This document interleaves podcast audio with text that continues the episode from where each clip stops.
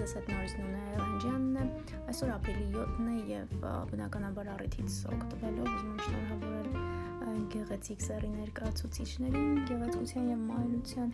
օրվա առիթով եւ մաղթում եմ ինչ բոլոր կանանց հարկավոր է ուղղակի երջանկություն սիրեք նախավ առաջ ձեզ, հարգեք նախավ առաջ ինքներդ որովհետև ամեն ինչ սկսվում է հենց դրանից։ Բայց դրա մասին չի այսօրվա իմ թեման, այսօրվա իմ թեման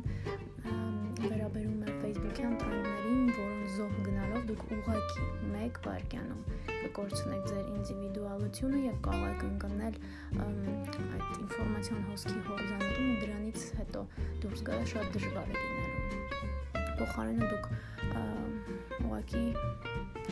զուր ժամանակ կվատնեք Facebook-ում, ինչտեղ կարելի է ավելի օգտակար բաներով զբաղվել, դրա մասին առանձին կխոսեմ։ Հիմա ինչ է նշանակում զոհ գնալ Facebook-յան տրենդի եւ արդյունքում կորցնել սեփական կարծիքը եւ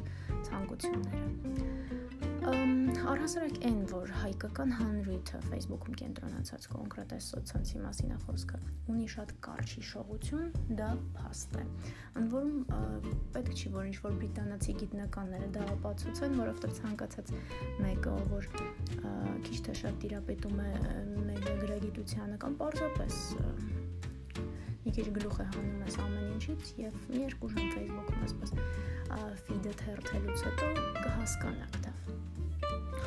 Եթե ես ձեզ հիշեցնեմ, թե մեկ շաբաթվա ընթացքում յուրաքանչյուր օր, այսինքն թեմա եղել, որ ինքը ապրել ընդհանրապես մեկ օր։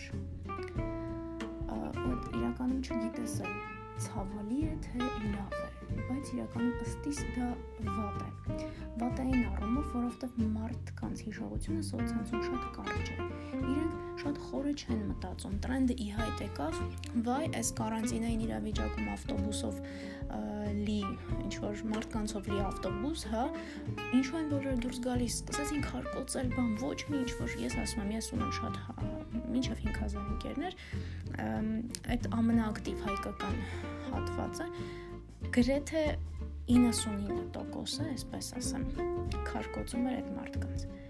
Հետո հանկարծ ինչ որ ու ես բնականաբար իմ կարծիքը նախ սովորել եմ արդեն շատ թեմաների շուրջ կարծիք չհայտնել դրա մասին մի ուրիշ ոդքասթ կանեմ թե ինչպես զսպել դա դա շատ կարևոր բան է մեր օրերում նյարդերը խնայելու համար հա որոշեցի որ մի հատ գրեմ որ ժողովուրդ ջան հասկացանք, էլի։ Ու ավելի շատ ոչ թե պաշտպանեցի այդ մարդկանց, այլ ասացի եկեք մի հատ հասկանանք, հա, ոնց որ ասում եմ, լավ օրից այդ մարդը դուրս չի եկել ու այս վիճակով պես գնացել աշխատանքի ինչ որ է։ Ու ինչն է հետաքրքիր, որ այդ ստատուսիցս հետո արդեն sense friend-ներից մեջ մի քանի հոգու նկատեցի անմիջապես, որ միանգամից իրենց կարծիքն էլ փոխվեց, այսինքն ավելի դեպի ոչ թե դրականը, այլ շեղվեց այն 99%-ից, որ միայն քար էին նետում այս ավտոբուսում լցված մարդկանց վրա։ Ինչով է, այս մի տրենդը ի հայտ եկավ, բոլորը սկսեցին այսպես գնալ ու ինչն է հետաքրքիր, որ կարծիքները իրարից չեն տարբերվում։ Այսինքն, Facebook-ում ի հայտ է գալիս տրենդ, եթե ձեր ֆիդում երևացող կարծիքների 95%-ը դրական է, դուք ուզեք չուզեք, չգիտեմ դա ոնց է ստացվում, բայց դուք եք դրական խոսում դրա մասին։ Եթե 95%-ը քարկոծում է այդ ավտոբուսում լցված մարդկանց, դուք էլ այսպես ինստինկտյան, ինքնաբերաբար նույնիսկ եթե այդպես չեք մտածում, բայց այդքանը կարդալուց տեսնելուց հետո դուք էլ մի հատ այսպես ձեր բաժին քարը նետելու եք դրա վրա։ Դրանից հետո գազի գնի թանկացում սկսեց քննարկվել։ Դրանից հետո արդեն չեմ հիշում, յուրաքանչյուր օր մի տրենդ ի հայտ եկա։ Հա, այն այն երիտասարդը, որ հայտնվեց, չեմ ուզում անունը տամ, բայց բոլորը սկսեցին այն պազելիացան։ Այսինքն դա այդ մի երկու օր այդ տրենդը գնաց հա եզակիներից էլ որ երկու օր ապրած դրանից հետո որ բարետն է նայել այդ տղայի լայվը էլի գնաց այսպես շանակ հասկանում եք հա իսպանական իսպանական է այդ սերիալը ոնց որ եթե չեմ սխալվում բումաժնի դոմ որ բոլորը նայում են այսինքն նույնիսկ սերիալ չնայող մարդը սկսում է տրենդի զոհ գնալ Հիմա դուք կասեք, բայց ինչ վատ բան կա, օրինակ տրենդը եկավ, սկսեցին քննարկել, ես էլ իմ կարծիքը հայտնեցի։ Չգիտեմ, օրինակ հիմա սկսեցին բոլորը այդ սերիալը նայել, ես էլ սկսեցի նայել, ինչ վատ բան կա դրա մեջ։ Ապրում ենք էլի մի հատ մի բուրազինք Facebook-ում, այս մի քանի քանի տոկոս է հայ այդ հանրույթը, մենք էլ այդպես ենք ապրում բայց եթե դուք կողքիդ մի հատ հայացք նետեք այդ ամեն ինչին, դուք կհասկանաք, որ Facebook-յան յուրաքանչյուր տրենդ, որը